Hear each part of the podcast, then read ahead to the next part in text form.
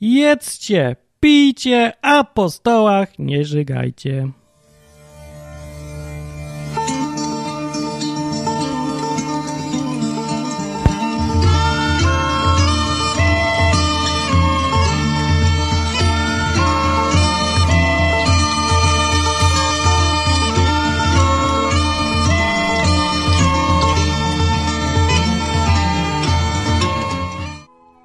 Dzień dobry, Martin Lechowicz, mój o poranku.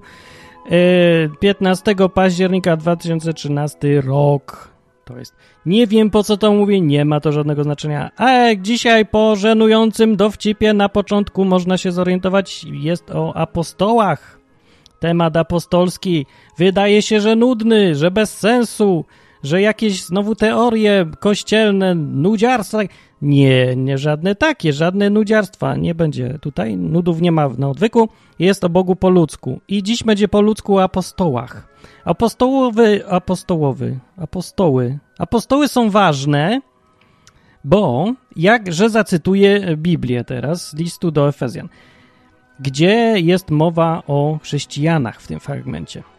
I do nich się zwraca autor mówiąc tak, tak więc już nie jesteście obcymi i przychodniami, lecz współobywatelami świętych i domownikami Boga, zbudowani na fundamencie apostołów i proroków, którego kamieniem węgielnym jest sam Mesjasz Jeszua, czyli Chrystus Jezus. To jest drugi rozdział listu do Efezjan w 19 rozdziale. Jest tu mowa o tym, że apostowie są fundamentem chrześcijaństwa i prorocy też przy okazji. Więc to dosyć ważna sprawa jest. Więc zacznę od tego, że by parę mitów tutaj yy, wywalić na śmietnik, żeby już ludzie głupot nie odpowiadali, co ważne jest. Więc przede wszystkim, e, chociaż to, to akurat nie ma takiego mitu, ale nie wiem, czy wiecie, ale nazwę apostoł to wymyślił Jezus. Tak, Jezus wymyślił. Yy, znaczy, Jezus nazwał apostołami. W, w Ewangelii Łukasza w szóstym rozdziale jest tak napisane, że nastał dzień, przyszedł poranek, przywołał uczniów swoich i wybrał z nich dwunastu, których też nazwał apostołami. I tam dalej są wymienione imiona tych dwunastu apostołów. I tutaj pierwszy mit jest taki, że często ludzie myślą, że e, Jezus miał dwunastu uczniów. No więc nieprawda to jest, głupia, głupia prawda, zupełnie nieprawda. Głupie kłamstwo, kłamstwo, nie kłamstwo, ale pomyłka, błąd, skandal. No bo z tego zdania to już przecież samego wynika, że jeżeli Jezus przywołał uczniów i wybrał z nich dwunastu, no to znaczy, że było ich chyba więcej, bo gdyby było tylko dwunastu, to by z nich nie wybierał, tylko by ich nazwał apostołami. By było, przywołał uczniów swoich i nazwał ich y, dwunastoma apostołami. No nie, miał ich więcej, zresztą w Biblii jest wprost napisane, że tam ich było w dziejach apostolskich, że ich było kilkaset w ogóle. No. Druga rzecz, którą ludzie błędnie myślą, to jest to, że yy, to jest odpowiedź na pytanie, ilu było apostołów? No więc apostołów było od groma. W Biblii jest wymienionych z imienia 17. Tyle znalazłem. Może więcej. No może być na przykład, nie wiem, niektóre mogą być dyskusyjne tam sprawy, ale większość jest oczywista. Bo na przykład w liście do Galacjan Paweł mówi tak, a innego z apostołów nie widziałem oprócz Jakuba, brata pańskiego. No i co? Gdzie tu jakiś nowy apostoł? No właśnie Jakub, brat pański. Bo na liście dwunastu apostołów, tych co Jezus ich wymieniał, nie ma Jakuba, brata Jezusa. Zresztą bracia Jezusa nie wierzyli w niego, gdzieś tam w Biblii jest napisane, w czasie, kiedy Jezus żył, dopiero tam później, gdzieś tam. A jest Jakub wymieniony, ale Jakub, brat Andrzeja, tu jest inny Jakub, więc to jakiś nowy apostoł. Trzynasty? No nie trzynasty, tylko czternasty, bo trzynastym to był ten gość, którego wybrali na miejsce Judasza. Przecież Judasz odpadł, też był apostołem, a odpadł z listy, no to musieli, musieli, nie musieli, ale wybrali sobie jeszcze jednego, bo strasznie im się podobała liczba 12. Bo co bym napisali? 11 apostołów, dawniej 12? Bez sensu. Bo 12 apostołów, dawniej 12. I tak se skomplikowali życie, bo chcieli mieć 12. Lubili. No i dobrze, niech są. No ale teraz jest Jakub jeszcze. W Dziejach Apostolskich 14 rozdział jest takie zdanie. Gdy to usłyszeli apostołowie Barnaba i Paweł, rozdarli swoje szaty i wpadli między tłum i coś tam dalej. No hej, apostołowie Barnaba i Paweł. Że Paweł to jeszcze, no to tak, to, to się zgadzam, ale że Barnaba? No, najwyraźniej apostoł. Więc to ilu już będzie? Było czekać, 14, 15 i 16 doszedł. Tak? No.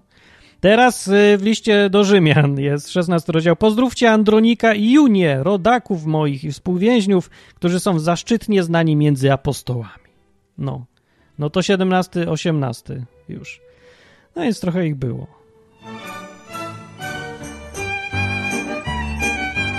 Dobrze, no to wiemy, że nie było dwunastu, że nie tylko apostołów e, miał Jezus, tylko innych uczniów też. E, jeszcze jak ktoś by miał wątpliwości, to przypomnę, że e, często Paweł no, w listach ostrzega przed fałszywymi apostołami. No więc to by było trochę bez sensu, gdyby ich było tylko dwunastu. Jakby ich było tylko dwunastu na całym świecie, no to by każdy wiedział, kto to jest dokładnie, to jakby to było możliwe, żeby byli jacyś inni apostołowie, jacyś fałszywi. No przecież każdy wie, kto to jest. Na liście sprawdzi. Więc wiadomo, że musiało być ich więcej i w ogóle pączkowali. Dobra, o co chodzi? Co to jest ten apostoł? No więc teraz nie ma definicji, nie ma definicji Biblii takiej czystej, ale można wyciągnąć wnioski. Po tym, co robili, najlepiej ocenić. Więc co robili apostowie? No, wszystko. Ja to widzę tak. Yy, apostoł to jest taki komandos. Taki gość, co yy, jest do wszystkiego i jest takim fundamentalnym gościem. Jest też tym gościem, który zaczyna coś, zaczyna yy, jakąś tam funkcję. Na przykład ludzi zastanawiałem, czym się różni, ja się też zastanawiam, czym się różni apostoł od ewangelisty w Biblii. No bo niby właśnie to to samo powinno być, nie? Ewangelista to chodzi i mówi, że Jezus jest fajny i kocha was i nawróćcie się. No, tak upraszczając. A właściwie to niestety nie upraszczając, bo wielu tak chodzi i właśnie tak to przedstawia. Znaczy, wiecie, tak. Idioci dla idiotów, prawda? Nie, coś takiego. No dobra, ja wiem, wiem, to brutalnie brzmi, ale ja mam bardzo niskie zdanie o poziomie intelektualnym większości chrześcijan. Więc wolałbym, żeby się skupili bardziej na ćwiczeniu mózgu, a nie tylko modlitwach całodobowych. Tylko trochę poczytać książki też czy coś. Bo inaczej to zawsze wychodzi tak, idioci dla idiotów, prawda? Głosimy Jezusa, ale tylko głupim, bo sami też nie mamy mózgu. Nie, no nie może tak być. Ludzie, chrześcijaństwo nie było naprawdę tylko dla idiotów. Jak się czyta Biblię, to tam przecież Jezus rozmawiał z intelektualistami wybitnymi. Na przykład z Nikodemem, który jest w Talmudzie do tej pory, jest o nim wzmianka i jest bardzo szanowany, wybitny człowiek. Albo Józef z Arymatei, który też był uczniem Jezusa, a przecież był dostojnikiem, bogatym, ogólnie człowiekiem wykształconym i tak dalej. Paweł też był przecież wykształconym i to pierońsko, jak na tamte czasy można było. No. Y ale dzisiaj to jest jakoś dziwnie. Znaczy dzisiaj też jest podobnie. No są przecież chrześcijanie, którzy są bardzo wybitnymi jednostkami, a są niestety większość to nie jest wybitna jednostka. I szkoda, szkoda, bo przecież można. To jest tylko kwestia woli, uważam. Dobra, ale to jest dygresja. A teraz, wracając do kwestii apostołów. E, więc czym apostoł od ewangelisty się różni? I ja tu powiem, powiem jak ja to widzę. Na przykładzie takim, żeby po ludzku było, po ludzku. Zrozumiałe. Więc przykład jest taki, apostoł, albo nie, grupa ludzi, chrześcijanie, jak są w jakiejś tam grupie, nazwijmy ją kościołem, albo nie, nie nazywajmy jej kościołem, bo już mnie denerwuje to słowo i większość z was pewnie już też, już nie wiadomo o co chodzi. Się mówi kościół, każdy ma co innego na myśli. Więc nie, grupa ludzi, organizacja, taka, yy, ale nie instytucja, tylko zorganizowani ludzie, jak to się nazywa? Taka organiczna grupa, nie? Jak, jeżeli cokolwiek chcesz zrobić, większą liczbę osób, to musisz się zorganizować z tymi osobami. Każdy musi mieć zadanie przydzielone, albo jakiś tam okres, zakres odpowiedzialności. Ty robisz to, tamten robi tamto. Na jakich zasadach się komunikujecie, współpracujecie czy coś. I ktoś musi to zorganizować. Pierwszy, zanim to będzie funkcjonować. Więc na przykład ewangelista to jest ktoś, kto już funkcjonuje w ramach tej grupy zorganizowanej, albo prorok nawet. No, prorok to taki trochę niezależny. No, ale reszta, pasterz, yy, nauczyciel, czy tam inni, yy, jakie tam funkcje jeszcze są, to oni funkcjonują w ramach jakiejś już zorganizowanej grupy. Ona nie musi być jakoś formalnie zorganizowana, ale zorganizowana być musi, no bo nie da się po prostu inaczej. Ona się może sama zorganizować, jakoś znikąd, ale, ale zawsze jest. Jak się poczyta teorię grup, polecam poczytać, to jest pouczająca lektura, w jakiejś książce, no są badania nad, nad grupami w ogóle. Bardzo fajna dziedzina wiedzy. I wyjaśnia, dlaczego się ludzie zachowują w grupach tak, a nie inaczej. No więc każda grupa się organizuje naturalnie. W każdej grupie też pojawiają się sami przywódcy. Nie da się, nie, nie ma grup bez przywódców. To, to jest absurd. To się tak można tylko wyobrazić, że o, fajnie by było. No, super, fajnie było. Komunizm też był fajny w teorii. Tylko, że to po prostu nie działa w życiu, więc nie wymyślajmy czegoś, co nie może działać, bo nie będzie działać. Zawsze będzie przywódca i zawsze będą podział, specjalizacja w grupie jakaś będzie. No chyba, że to jest taka zdechła grupa typu jeden robi wszystko, a reszta się gapi i mówi brawo, brawo. No to nie jest grupa, tylko to jest kościół. No właśnie, znów kościół. Dobra. E, jest tak, jest grupa i ewangelista to jest jeden, to jest gość, który działa już w ramach tej struktury, tej organizacji. Natomiast apostoł to jest ktoś, kto wymyśla tą strukturę, kto ją zakłada, e, kto jest jakby tym inicjatorem, nadaje nazwę albo no, no zaczątek robi. Przyszedł, gdzie nie było nic i robił swoje i zrobił tak, że zrobiła się już istniejąca organiczna grupa, która już może działać samodzielnie, już nawet bez niego se funkcjonuje. I wtedy, jak taki przychodzi apostoł, to nie tylko on, on nie tylko mówi, że Jezus jest fajny i nawróć się na chrześcijaństwo i zostań chrześcijaninem, a wszyscy mówią, o fajnie, dobra. To robi ewangelista, ale apostoł robi coś o wiele ważniejszego. On organizuje tych ludzi w tą grupkę, w tą strukturę. Ewangelista już tego nie robi.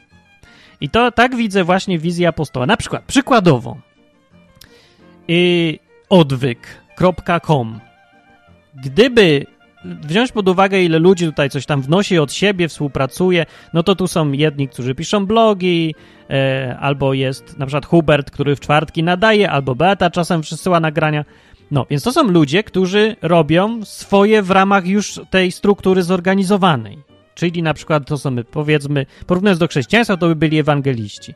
Ale ja jako założyciel tego odwyku, który to wymyśliłem tą całą koncepcję, byłbym apostołem odwykowym. Dla odwyku w, tej, w tym obszarze, nie?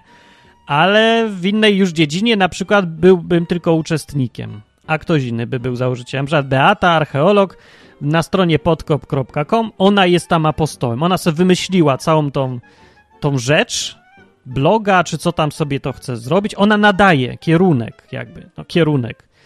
No tak, znaczy nie, nawet już nie nadaje kierunek, ale ona to stworzyła. I to jest apostoł mniej więcej. Tak to sobie widzę, tak mniej więcej to wynika z Biblii, że to jest ta główna rola apostołów. Chociaż właściwie tak to wyglądało, ja mówię z praktyki, jak to wygląda, oceniając po tym, co robili apostołowie, zwłaszcza w dziejach apostolskich, ale pierwsi, tych dwunastu apostołów, tych pierwszych dwunastu, co Jezus wybrał, niekoniecznie tak robili. Oni byli wysłannikami. To słowo też oznacza wysłanników. I on po prostu wysyłał, idźcie, róbcie swoje. Co ta, a co mamy robić? A wszystko.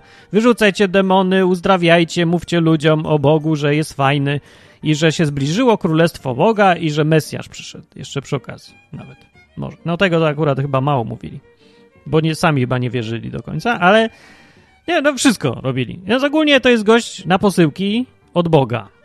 No. I teraz Dlaczego to jest w ogóle istotne? Czyli istotne jest wiedzieć w ogóle, co to za pojęcie i co w Biblii oznacza i i na przykład rozróżnienie między apostołem a ewangelistą, żeby było. No apostoł właściwie, jak już mówiłem, wszystko robi, bo nauczycielem też jest przecież, też uczy.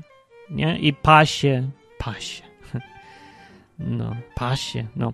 W ogóle ja się tu odwołuję, właściwie nie powiedziałem tego fragmentu, ale jest ważny fragment y, z listu do Efezjan z czwartego rozdziału, który mówi tak, że on, zaczyna się on od Jezusa, zaczyna? On ustanowił jednych apostołami, drugich prorokami, innych ewangelistami, a innych pasterzami i nauczycielami, aby przygotować świętych do dzieła posługiwania, do budowania ciała Chrystusowego, czyli po prostu kościoła, czyli grupy chrześcijan, które się tam zorganizowali jakoś. No i to są te funkcje, które są wymienione jako podstawowe w zorganizowanej grupie chrześcijan, czyli apostołami, prorokami, ustanowił ludzi ewangelistami, innych pasterzami, nauczycielami i tak. No i na pewno jest więcej. No, w każdej grupie, zwłaszcza im większa, tym więcej potrzeb jest, więc się funkcje objawiają. Mogą wychodzić, występować naturalnie, ale ktoś może przyjść i powiedzieć: Dobra, teraz ty będziesz robił tu za nauczyciela. A mówi: Ja, ja nic nie umiem. No mówi, ale innego nie ma. No dobra. Na przykład. Różnie. I im bardziej ludzie pasują do funkcji, które robią, tym wiadomo, że grupa działa lepiej. I te funkcje, za nadawanie tych funkcji wynika z Biblii, że no zwykle byli apostoła, apostołowie, nadawali te funkcje. Albo, ja to tak mam nadzieję, że tak było, raczej rozpoznawali, kto jest kim i ogłaszali publicznie, że ten gość, który was i tak już uczy od pół roku, ewidentnie jest nauczycielem i ja teraz jako apostoł, ten co wymyśliłem, to wszystko tutaj u was, mówię, że to jest nauczyciel i mówcie teraz mu per nauczyciel. Mówcie panie profesorze do niego. I wszyscy mówią, dobra, brawo, super, dobrze, że ktoś to powiedział głośno. No i już, dobrze, nie? Yy, I takie mam wrażenie, że yy, cała ta procedura i funkcja apostoła nie E, nie zatarła się z czasem. To znaczy, dalej powinna być ta funkcja. Zresztą ona jest de facto, ona musi być. Jeżeli ma powstać jakikolwiek nowy kościół, grupa, sposób myślenia, organizacja, przepływ danych czy cokolwiek, zawsze musi być inicjator jakiś. Jeden gość, zawsze to jest jeden gość, który przychodzi i mówi: Ja mam pomysł taki, taki, ja mam wizję, taką, taką, taką a inni mówią, dobra, podoba nam się, robimy. Ale musi być ten jeden, bez tego jednego, który nic, tą iskrę da, nie będzie grupy, nic się nie zrobi, nie zrobi się samo.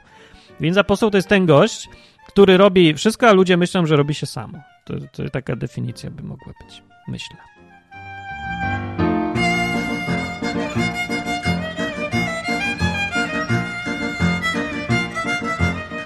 Y, jedna ciekawa informacja Y, ciekawa wypowiedź Pawła, który był apostołem, jest taka. Y, w pierwszym liście do Koryntian, w dziewiątym rozdziale, on tak mówi. On się tam spiera w tym liście z jakimiś tam poglądami mówi tak. Czy nie jestem wolny? Czy nie jestem apostołem?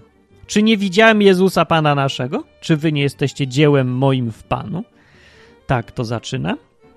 Wymieniając jako oczywiste rzeczy. To są takie pytania retoryczne. Czy nie jestem wolny? Oczywiście jesteś. Czy nie jestem apostołem? Oczywiście jesteś.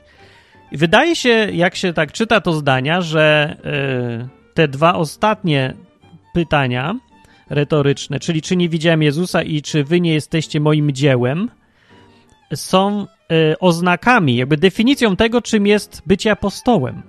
I rzeczywiście, no, wynika to z kontekstu. Czy nie jestem apostołem, bo czy nie widziałem Jezusa i czy wy nie jesteście moim skutkiem mojej działalności.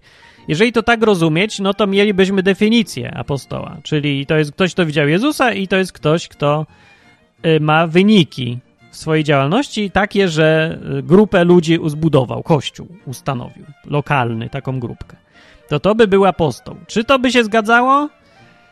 Trochę, no nawet by mogło być definicją, ale coś za mało jakby jeszcze. Albo może i za dużo? Nie, za dużo nie. Nie, no może być za dużo, bo przecież nie musi widzieć Jezusa. Nie ma nigdzie napisane, że Barnaba, który jest nazwany apostołem, widział Jezusa. Ani Andronik i Junia, którzy gdzieś tam są w ogóle wymienieni przy okazji. Niby czemu mieli widzieć? Nie, chyba nie. Może widzieli, może nie widzieli, ale nie ma tego nigdzie napisane wprost, że apostoł, apostoł musiał widzieć Jezusa osobiście. Słyszeć głosy i w ogóle światło widzieć. Nie musiał. Nie widzę powodu, żeby musiał. Z Biblii nie wynika, więc nie będziemy sobie teraz dorabiać teraz teorii i, i już. Nie, proszę nie dorabiać, bo, bo się po, potem przegapi jakiegoś apostoła i mówi, nie, ten na pewno nie jest apostołem, bo widziałeś Jezusa? Nie. No to dobra, nie jesteś. A gość może robić kupę dobrych rzeczy i być jak najbardziej apostołem. Nawet jeżeli nie dla wszystkich, to dla kogoś. Bo właśnie potem, w tym fragmencie, w tym samym fragmencie, zaraz potem Paweł mówi tak. Jeśli dla innych nie jestem apostołem, to jednak dla was nim jestem.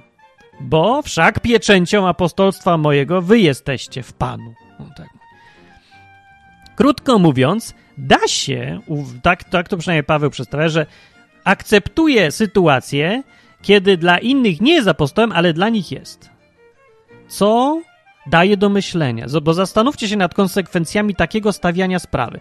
Jeżeli by ktoś powiedział, na przykład, jeżeli dla innych nie jestem programistą, to dla was jestem. Czy to by miało sens jakiś? Trudno nie być programistą dla innych. Czy można być nie, nieuznawanym za programistę?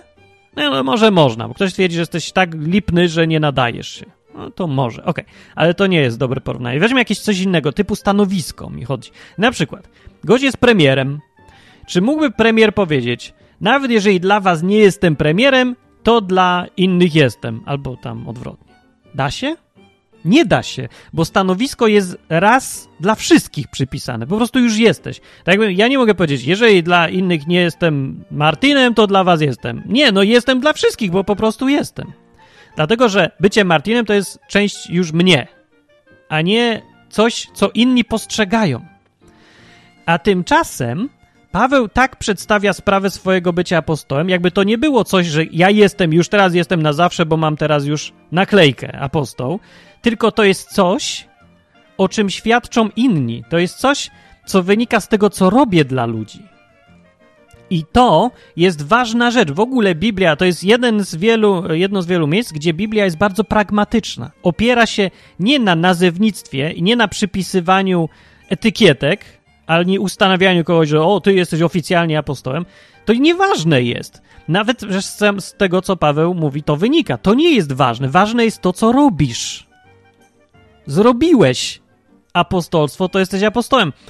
I, yy, I Paweł to akceptuje, no mówiąc, jeśli dla innych nie jestem apostołem, to okej, okay, w domyśle, ale dla was jestem, bo wy jesteście rezultatem tego, co robiłem dla Jezusa w ramach tego bycia apostołem.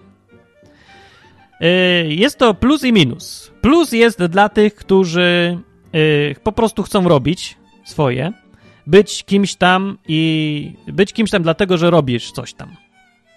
Więc skoro Paweł to nie przeszkadzało mu to, że dla innych nie jest apostołem, tylko robił swoje i dlatego był apostołem, no to możesz z tego czerpać trochę e, tego, jak się to nazywa, zachęty takiej, pociechy, że robiąc coś, jesteś tym, co robisz. No, albo na przykład, jeżeli robisz, e, nie wiem, uzdrawiasz na prawo i lewo, a nikt cię oficjalnie nie nazwał uzdrawiaczem, to i tak nim jesteś, bo ważne jest to, co robisz właśnie. No. Yy, więc się czuj jako uzdrawiasz, spokojnie, nawet możesz przestawiać, o ile uzdrawiasz. Z drugiej strony, takie stawianie sprawy jest niewygodne i jest minusem dla wszystkich tych, którzy chcą mieć przyklejone już stanowisko i ten, ja już jestem tym i o, już będę. To to jest taka, wiecie, mentalność urzędnicza, że ja mam swój tytuł przed nazwiskiem i ten tytuł już jest. On jest rzeczywistością samą z siebie. Jeżeli teraz jak mnie ktoś nazwie apostołem, to ja mogę już siedzieć do końca życia, nic nie robić i dalej nim będę, bo już se nim jestem. Bo ktoś tak powiedział, bo mnie tak ustanowili i już.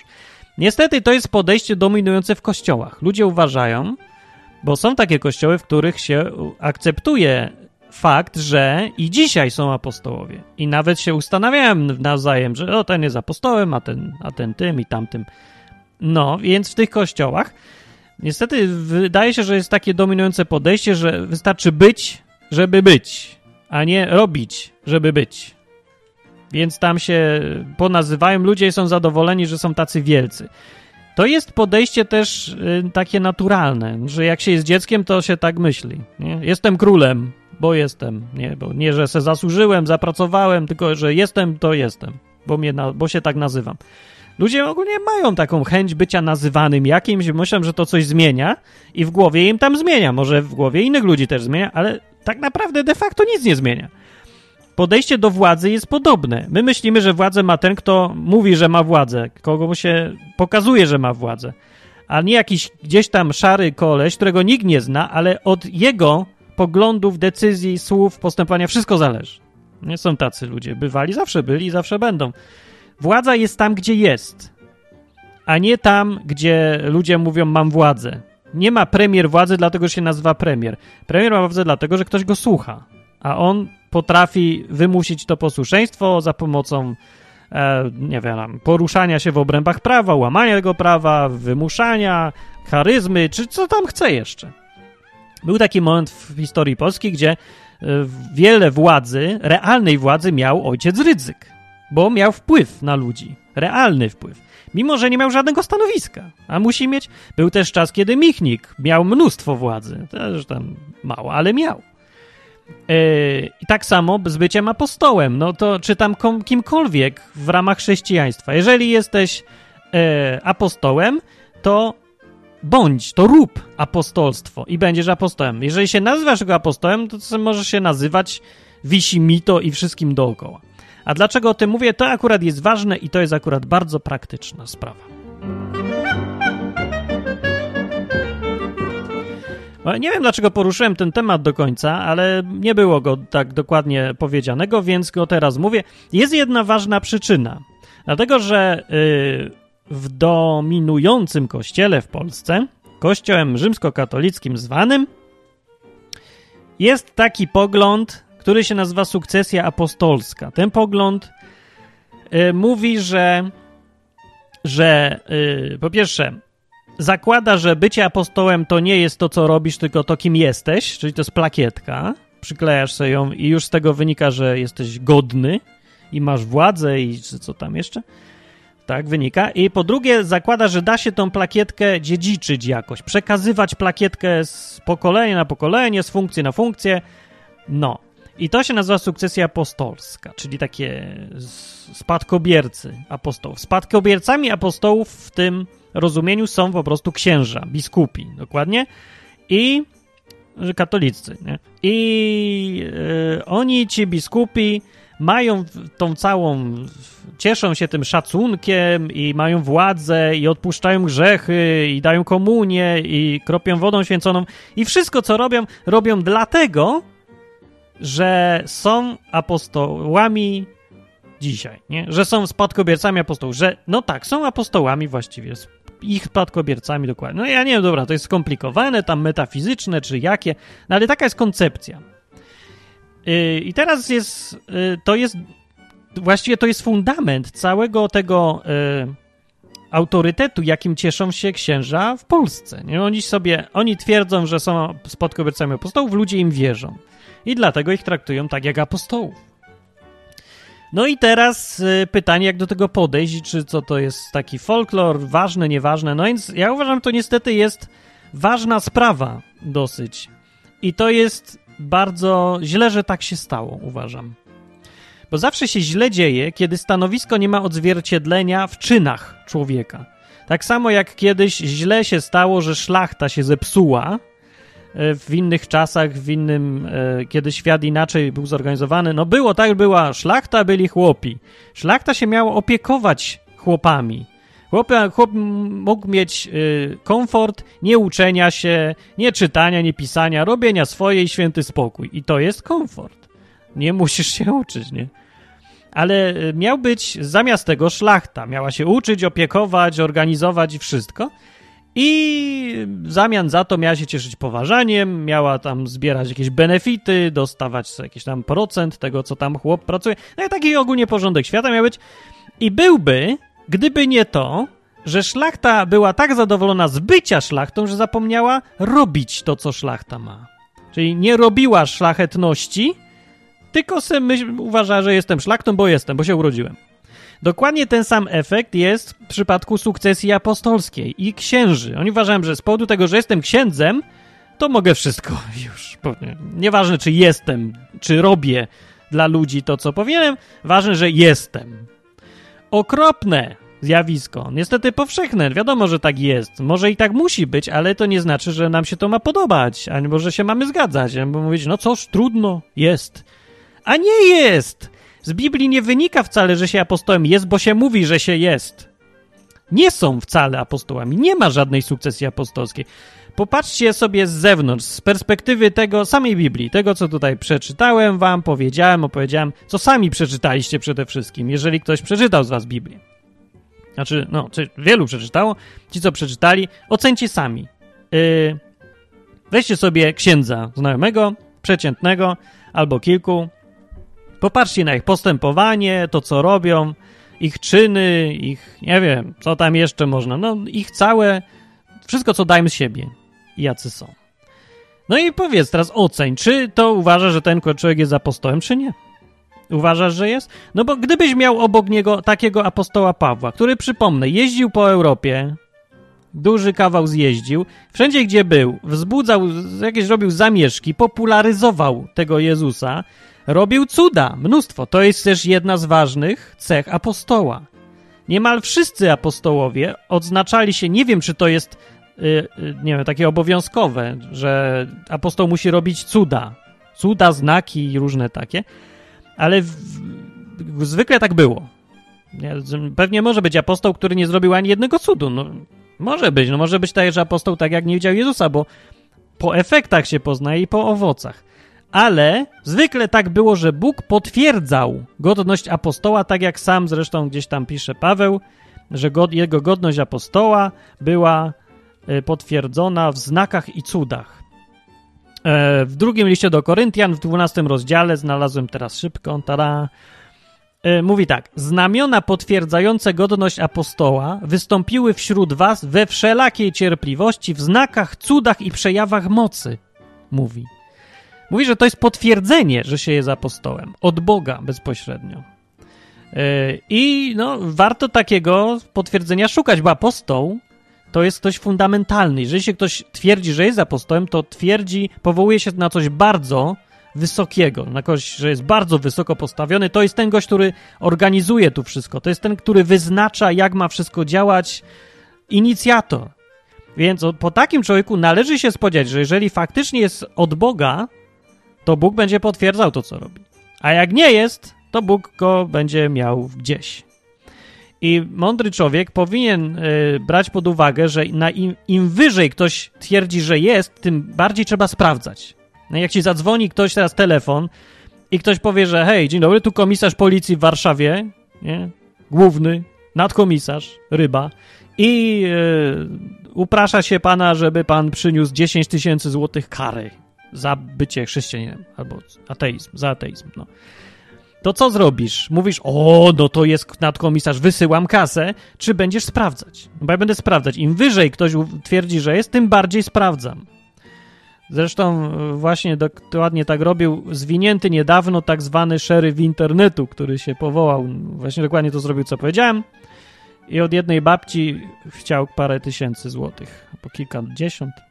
I ona nie sprawdziła, no bo ona jest wychowana prawdopodobnie właśnie w kościele katolickim, gdzie się wszystko przyjmuje na słowo. Każda władza, którą twierdzi, że jest władzą, od razu się reaguje automatycznie, odruch Pawłowa, że zgadzam się, dobra, jestem posłuszny, robię co chcesz. To nie powinien tak człowiek robić. To głupota jest zwykła. Zwykła, totalna głupota. No. Biedni ludzie. To nie jest coś, za co należy potępiać. To jest coś, co trzeba wyrywać włosy z głowy i gadać z tymi ludźmi. Sprawdzaj. Co to komu szkodzi? Przecież nie obrazisz tym księdza, jeżeli sprawdzisz, a może księdza obrazisz, ale Boga nie obrazisz, jeżeli sprawdzisz, czy Bóg potwierdza jego księżostwo. Albo nawet nie obrazisz papieża, jeżeli upewnisz się, że ten facet, co jest ubrany w sutannę, jest naprawdę księdzem. To jest normalne, ostrożne, sceptycyzm, ostrożne działanie i mądre działanie człowieka. Więc jeżeli teraz ktoś mi przychodzi, przychodzi ksiądz i mówi, że ja się powołuję na sukcesję apostolską, no to ja pytam, a ile pan cudów zrobiłeś? A jakie pan masz wyniki w mówieniu ludziom o Jezusie, którzy nigdy o nim nie słyszeli albo go mają gdzieś, a a tutaj się coś tam tego nawróci. Ile pan zorganizowałeś wspólnot chrześcijańskich, grup, w których występują potem już ewangeliści, inni te wspólnoty sobie działają same. No ilu? No ja nie wiem, takim organizatorem i takim właśnie apostołem to byłby pewnie ten, jak się nazywa ten ksiądz, co oazę założył, oazę. Oazę albo ruch, odnowę w Duchu Świętym. O, tacy ludzie, co to wymyślili, to ja bym nazwał apostołami. Dlaczego? No po efektach, bo widzę, że byli apostołami. Robili swoje. Więc zasługują na tą nazwę. Czy robili cuda? Pewnie nie, ale efekty działalności potwierdzają, że byli kimś tam. Jakoś by, by ich trzeba nazwać. I tak, no. Kogo? Inicjator ruchu odnowy, odnowa w Duchu Świętym. No dobra, może być inicjator, ale może być też i apostoł, skoro już takie słowo istnieje. I nawet pasuje do tego, co się w Biblii działo. No, ale reszta, taki zwykły ksiądz, to w nosie mam, czy on się powołuje na sukcesję apostolstwą. To jest tylko teoria. Wisi mi ta teoria. Jak mówi Biblia, pierwszy liście do Koryntian, czwarty rozdział mówi tak. Albowiem Królestwo Boże zasadza się nie na słowie, lecz na mocy. Kropka.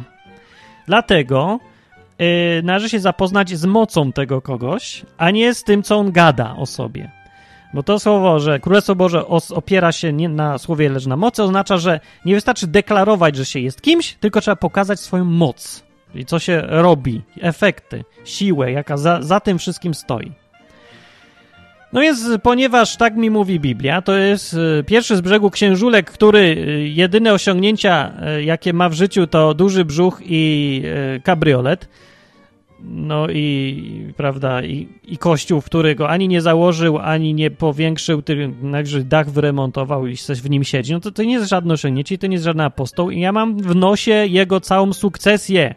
Bo ta jego sukcesja opiera się na słowie, na gadaniu, tylko i wyłącznie na gadaniu. A na mocy jakiej? Żadnej. Niech chociaż klątwę na mnie rzuci, to uwierzę. Nic nie rzuci, bo led, ledwo może podnieść brzuch z nad podłogi. On będzie rzucał jeszcze jakieś.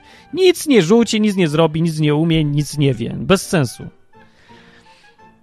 No, więc y, ta kwestia sukcesji apostolskiej jakoś mnie, mówię, nie przekonuje, bo jestem praktyk.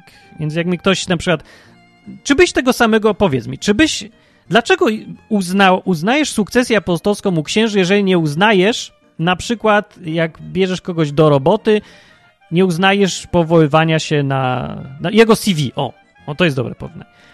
Więc jeżeli ktoś napisze w CV, że jest super programistą, to czy to dla ciebie jest wystarczający powód, żeby go zatrudniać jako programistę i mu płacić za to?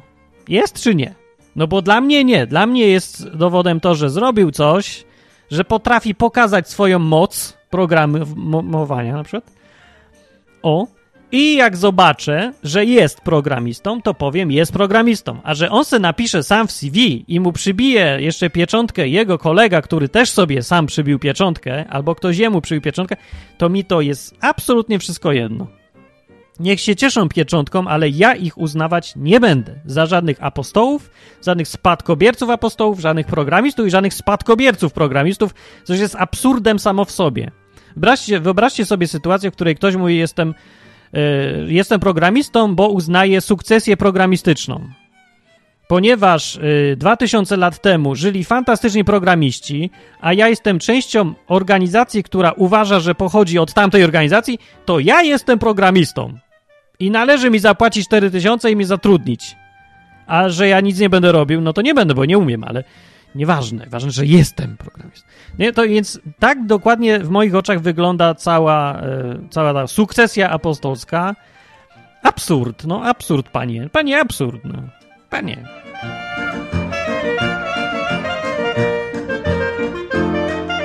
W sferach duchownych się jeszcze carbonara nie obracałem.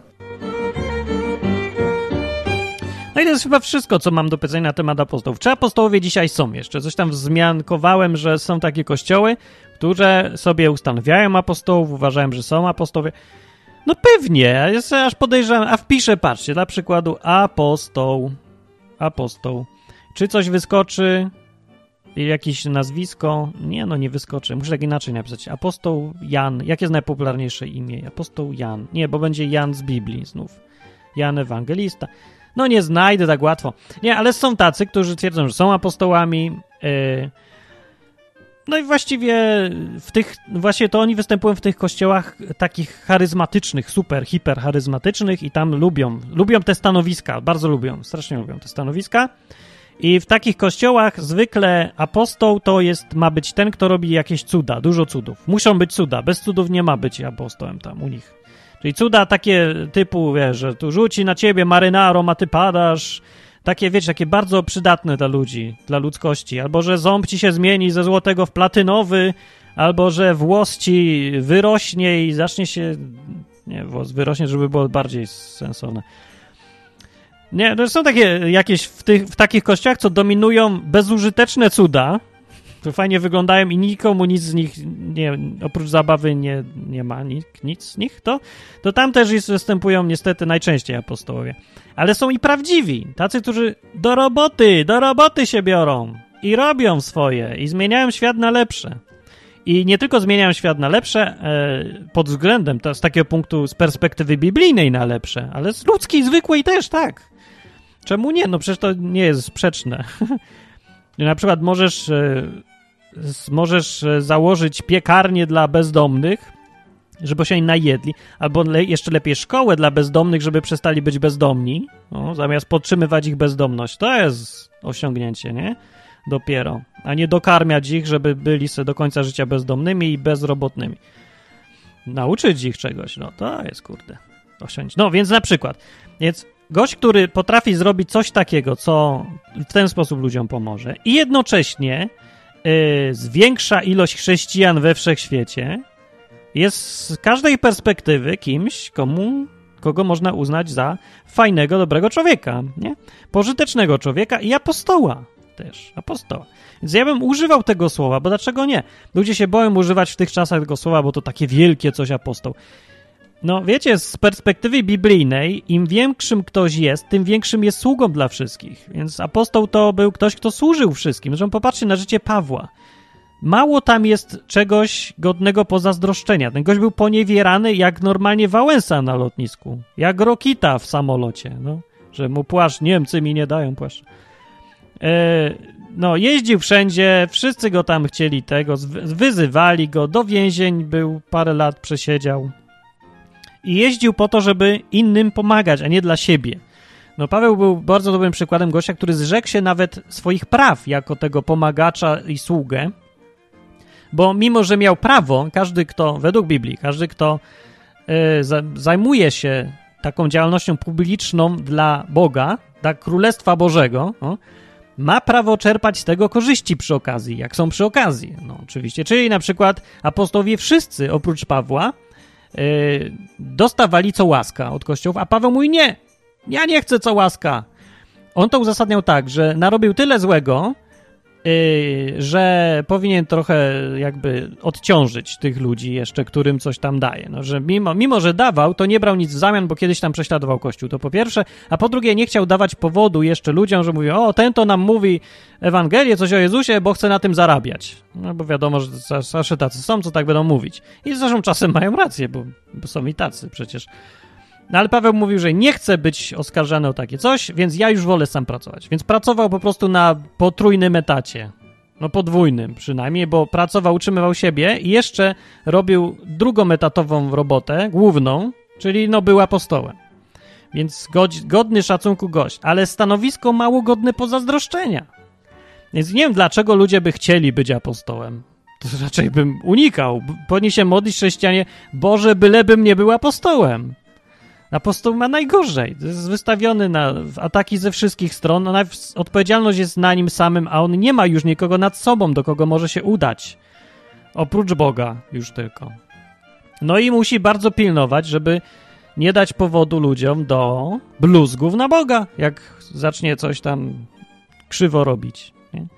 No, więc ogólnie no, no nie polecam. Ale jak ktoś robi to, co widzicie, że apostoł zwykle robił w Biblii, to nazywajcie go apostołem. A jak? A czemu by nie? No.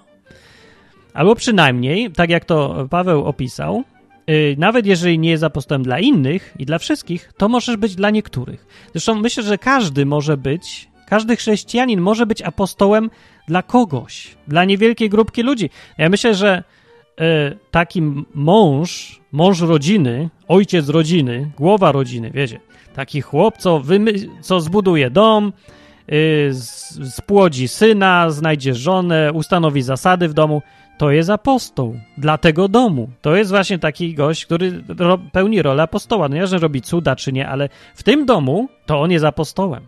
Bo on zrobił ten dom, bo wszystko, to co jest pieczęcią, tak jak to Paweł ujął, pieczęcią apostolstwa to są ci ludzie, którzy są zorganizowani, funkcjonują już sobie samodzielnie. Już są kimś, coś zbudowali, coś powstało z niczego ten kościół lokalny, ta grupa ludzi, ta wspólnota, to ona jest dowodem na to, że apostoł był naprawdę apostołem. No, nawet jeżeli niechcący, nawet jeżeli się tak nie nazywał, nie wiedział, że nim jest, nie ma problemu. I to był odcinek o apostołach. A ja na koniec jeszcze tam ogłoszenie powiem, że hej, kupcie książkę, jak ktoś chce przegląd Jezusów polskich, bo dzięki temu wspomagacie odwyk, po pierwsze, a po drugie macie co do poczytania. Krótka, ale tania. I ciekawa i wciąga. No jest tam parę przemyśleń o chrześcijaństwie, pomaga to, to co ona jest zrobiona z, z tą samą myślą, co i cały odwyk, żeby zmusić tam, zmusić, skłonić kogoś do myślenia, do popatrzenia na chrześcijaństwo z innej perspektywy, w inny sposób, że zobaczyć, że się da trzymać na przykład Biblii tylko, a nie y, chodzić od kościoła do kościoła, słuchać tu księdza, tam pastora i tak dalej. Żeby samemu pomyśleć na przykład. I coś trochę zaprzyjaźnić z Biblią. Fajna, ciekawa książka, nad jak ktoś uważa, że nie wierzy. To, co tam jest napisane, nikt nie wierzy, ale niech przynajmniej się zapozna, żeby wiedział chociaż w co nie wierzy, albo wiedział, które bluzgi na Biblię są sensowne, a które są nonsensowne i nie wyszedł na idiotę, nie? Naprawdę, brak edukacji to nie jest coś, czym się należy chwalić, tylko coś, czego się należy wstydzić. Eee, więc brak znajomości Biblii, jako dosyć jednak ważnej książki w historii ludzkości, to jest ułomność, a nie wybór życiowy. Jeżeli chyba, że ktoś wybiera, chce być głupi, no to jest jego wybór, proszę bardzo. No ale to ja będę mówił, że to jest głupi wtedy i on już sam chce być głupi, więc się powinien cieszyć, że uważałem go za tego, kim naprawdę jest. Więc ogólnie, no niestety, sorry, ale niektóre książki trzeba przeczytać, jak się chce być człowiekiem na jakimś poziomie. Nie ma obowiązku, nie trzeba być człowiekiem na poziomie, ale jakoś większość ludzi chce się uważać za człowieka oczytanego na poziomie, który ma blade pojęcie o świecie. No mnie to dziwi, że chcą się uważać za takich, ale jak się pytam, czy Biblię znają, mówią, nie, nie muszę. Stary, jak nie musisz? Jak to nie musisz, a chcesz być oczytany, a nie, nie znać w ogóle, nie przeczytać Biblii? Taka, co, taka, to, nie wiem, mało zna, znacząca książka, tak? Nic nie zmieniła nikomu w życiu nigdy. Nie, no bez jaj, bez jaj, naprawdę, ludzie. Czy przeczytajcie chociaż Biblię raz w życiu. Dobra, i e, tak, książkę można kupić sobie, o, na stronie odwy.com lata, e, wymyśliłem, że będzie, nie, nie wiem gdzie dać ogłoszenie, że hej, mam książkę, kup za 5 zł. Dosłownie za 5 zł jest e-book, naprawdę, za piątkę sprzedaję. A papierowa wersja też tam niewiele droższa, więc można kupić, ale chodzi o to, że nie, nie miałem pomysłu, co, jak ogłosić, że chcesz sprzedać książkę. W ogóle wiecie, jak trudno jest sprzedać swoją książkę? Nie chodzi o to, że trudno w sensie trudno, tylko trudno się przemóc, bo, bo każdy, kto coś napisze, wydaje mu się, że albo zrobi, albo narysuje, to się wydaje, że to jest głupie, nie? I bezwartościowe. Nikt tego nie chce. To jest zawsze takie. Albo może niektórzy nie mają, ja, ja nie umiem. Ja, ja się muszę strasznie walczyć ze sobą, żeby w ogóle ogłosić komuś, że w ogóle mam gdzieś coś tam do sprzedania, do oglądnięcia, do posłuchania i nie ogłaszam często i nie reklamuję i potem jest lipa, bo, bo tak, nie wiem, takie zjawisko jest. Trudno mi. Nie, nie mam przebojowości, niestety w PRL-u, born in PRL. Well, co zrobić? No. Yy, I co tam jeszcze? Chciałem powiedzieć, aha, że no, co łaska na odwyk się bardzo przyda. Yy, żeby ta strona mogła dalej funkcjonować i żeby mogły być dalej tematy. A za tydzień może będzie o.